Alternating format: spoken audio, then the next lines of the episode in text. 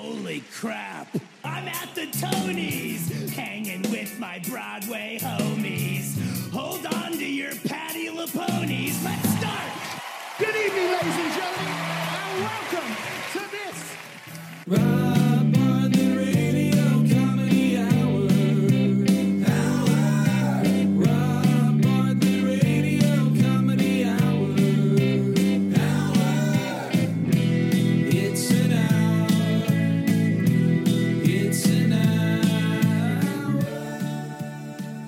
Welcome. Welcome, boys and girls, to another exciting edition of the Rob Bartlett Radio Comedy Hour. I am Rob Bartlett, and this is my Radio Comedy Hour. This is episode two of season two of this very fine podcast.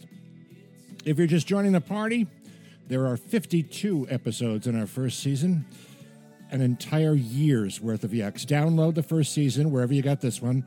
Um, kind of fun to listen to, the way this show is has morphed over the months. We started live on stage with a studio audience last June. We had a full cast of sketch comedy actors, celebrity guests, live bands.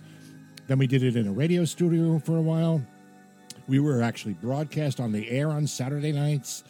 And uh, now it's just me alone doing everything myself from my kitchen. Today's show is the Tony Awards debriefing. The Tony Awards, or as it is more commonly known, Gay Christmas. The Tony uh, recognizes exceptional achievement in live Broadway theater. It's presented by the American Theater Wing and the Broadway League. It's named after Antoinette Perry. Who is Antoinette Perry, you ask? Well, she's the woman for whom the Tony Awards were named. She was responsible for operating the stage door canteens that they used to have during World War II that provided entertainment to servicemen. She was an actress, apparently, a producer, and a director. Her most famous production as a director was Harvey, the play about the guy who had an imaginary rabbit for a friend. You might have seen the movie they made uh, with James Stewart. She was a devout Christian scientist, and although she exhibited signs of heart disease, she refused to see a doctor, and so the day after her 58th birthday, she died of a heart attack. But she lives on in her award. Now, the Tony Award telecast is never a ratings bonanza. We know that. In, in 2016, they got their highest numbers in 15 years 8.7 million viewers, which was, you know, that was the year of Hamilton. This year, 5.4 million viewers, a new low, down 14% from last year. The previous lows had been 6 million in 2012 and 2017, but here's here's the thing. The 6th game of the Stanley Cup got 6.5 million viewers this past Sunday, and that's only, you know, the Blues and the Bruins. So why the precipitous drop? Well, as Ian Faith, the manager of Spinal Tap might say, I just think that the uh, that their appeal is becoming more selective. James Corden was the host this year. Last year it was Josh Groban and Sarah Bareilles. For a few years prior to that, it was Neil Patrick Harris, including the year I got to do it. There was a lot of original music this year, including the big opening number. And then there was kind of a funny little thing they did in the Radio City bathroom. Uh, not what you might think that would be in the Marie's Crisis bathroom.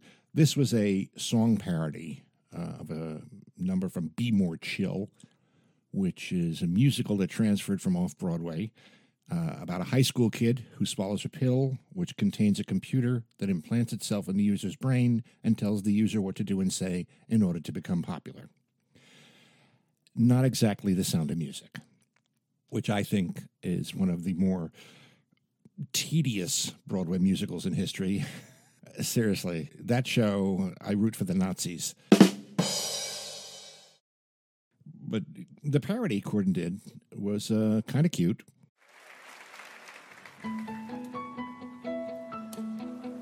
I am hanging in the bathroom inside Radio City Music Hall.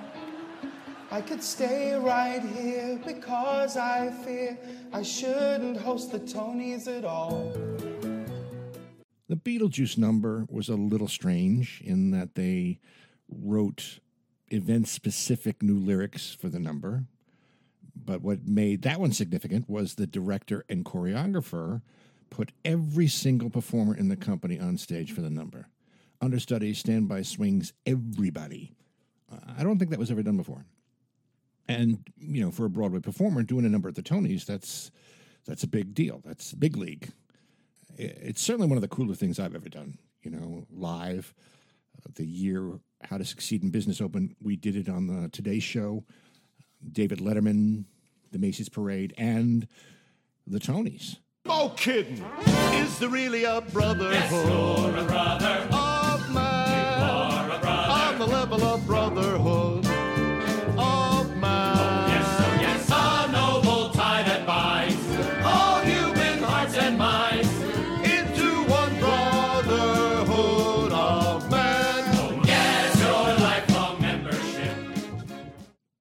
the thing about award shows, especially these days, they all have the usual moments when whoever wins makes some political statement. The media is not the enemy of the people. I get it. I mean, I get it. You have a public forum, gives you a chance to say something you think is relevant, might inspire positive change in something you believe in. But you don't see Ryan O'Reilly, the centerman for the St. Louis Blues, use the game as an opportunity to announce his position on whether Quebec should be given sovereignty from the rest of Canada or Aboriginals should receive more government funds. So maybe the Tony Award winners might have waited until the seventh game of the Stanley Cup to make their feelings known. But I think it's admirable. I mean, when somebody like Ali Stroker, uh, who won Best Supporting Actress in a Musical, she was the one who was in that hideous car wreck, and she's paralyzed from the waist down, and she's in a wheelchair and does the entire performance eight days a week in Oklahoma from the wheelchair. And when she won, that was kind of a sweet, inspiring moment. This award is for every kid who is watching tonight who has a disability, who has a limitation or a challenge, who has been waiting to see themselves represented in this arena. You are.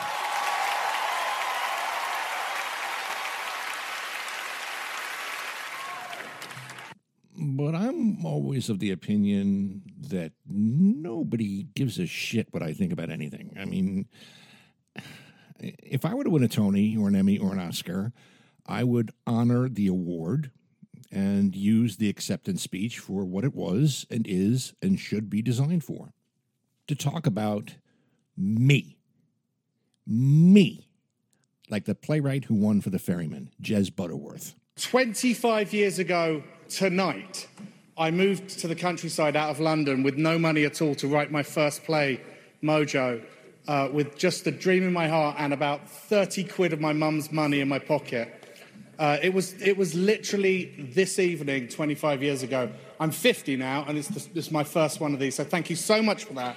I'm telling you right now, if I make a trip to the podium, I might thank a couple people my manager, my mom and dad, my high school drama teacher, my wife, maybe.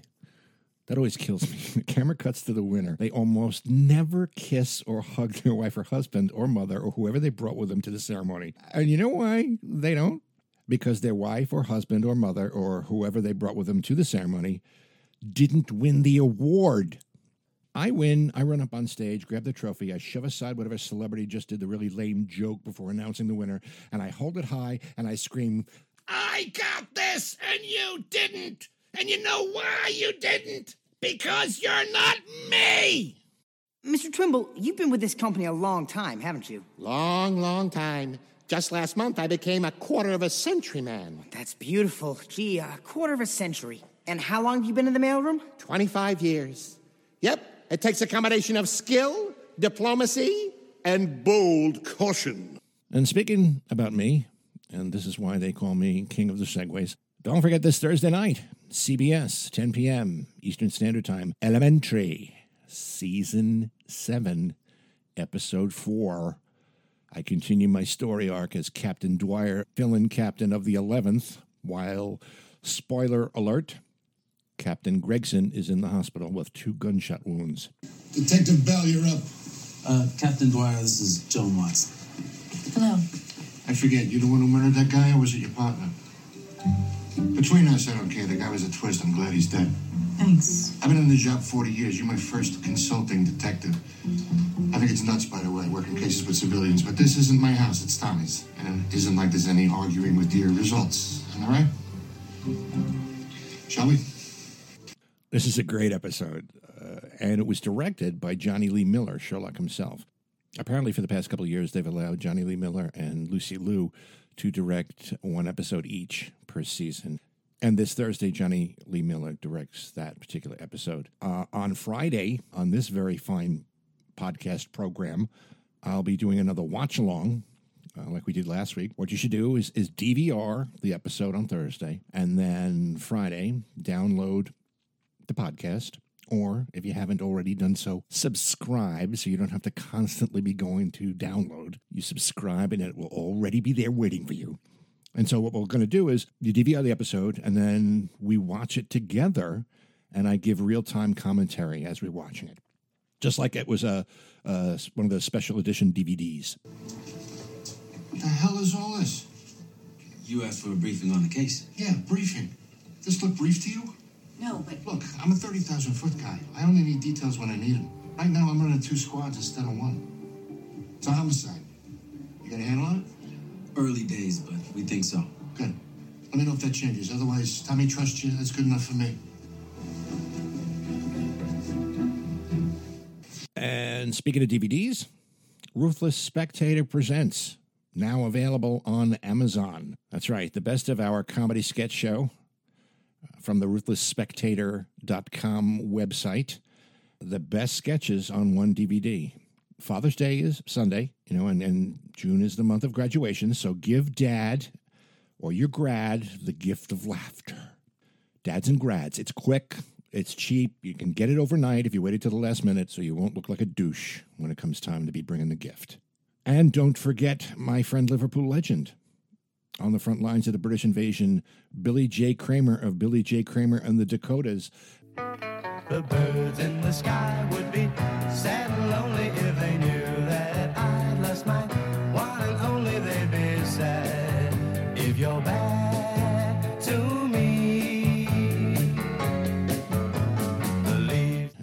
course, the first recording of Do You Want to Know a Secret, which is the name of the tour we will be embarking on this summer together. I'm going to do comedy. He'll have his band with him. He'll do his hits and some great new songs.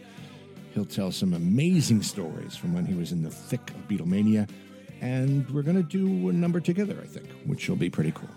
And if you want to know where we will be and how to get tickets, just check out the Rob Bartlett Radio Comedy Hour Facebook page, or you can follow us on Twitter at the Robio, R O B I O, on Instagram, Rob Bartlett Radio Comedy, and Robio 007. Or you can always drop us a line. Email us at Robio Radio Comedy Hour at gmail.com. Our program was produced by Gary Grant and me, written by me and Andrew Smith. We're the Lennon McCartney of comedy writers. I'm Paul. He's John. The Rob Bartlett Radio Comedy Hour theme, music and lyrics by Gary Grant, recorded and performed by Steve Mecca. As always, no animals were harmed in the production of this podcast. We'll see you again tomorrow on the Rob Bartlett Radio Comedy Hour. And until then, be good to each other, won't you? Well, congratulations for sticking to the very end of this program and for being so faithful. You shall be rewarded. It's a little extra special clip here. A lagniappe, as they say in New Orleans. A little something extra, a little something something for you for hanging out until the end. This is a clip from an actual performance, an actual Broadway performance of Mushnik and Son from the Broadway production of Little Shop of Horrors. The original Broadway cast, starring Hunter Foster, Kerry Butler, who you might have seen on the Tonys in Beetlejuice, the great Doug Sills as Orin Scrivello, DDS, and myself as Mushnik. Here it is Mushnik and Son, live from the Broadway. Seymour! Sir! Seymour. How would you like to be my son? How would you like to be my own adopted boy? I never liked him much before, but count the cash that's in the drawer. I got no choice, I must do more. Say yes. What for? Seymour, I want to be your daddy. I want to see you climbing up my family tree. I used to think you left a stench, but now I see that you're a man, So I'm proposing me, my son. Mushnik and son. Sounds great. Three words with the ring of fate. So sail and cooperate with me. A glorious dream come true. Mushnik and his boy chick you. What FTD? About to my be my son. Just say the word, I'll get my lawyer on the phone. Now, Mr. Mushnik, don't be rash. You always said that I was trash. Oh, I was joking. Sure, I'm joking. Excuse the physical expression of my pride, of the sweet paternal Michigas I've held pent up inside. Yeah, yeah, yeah. Yeah, yeah, yeah. Yeah, yeah, yeah, yeah, yeah, yeah, yeah, yeah, yeah, yeah, yeah, yeah, yeah, yeah, yeah, yeah, yeah, yeah,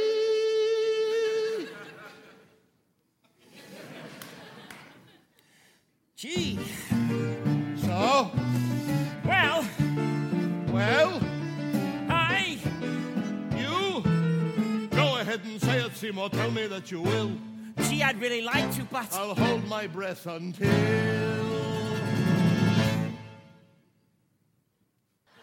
Okay, when I'll be your son. When I'll be my son. Drop the papers down and touch. I really am. And when you reach age 83, I'll let you come move in with me. You swear? I promise. What a son.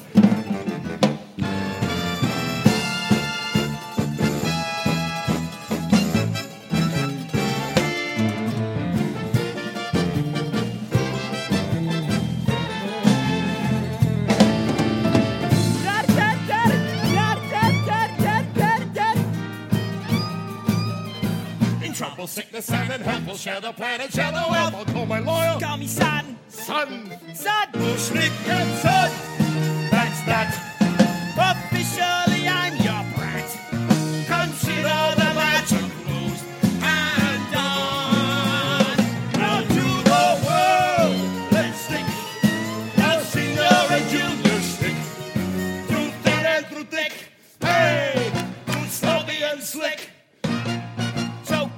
Me quick. Please don't make me sick. Mushnik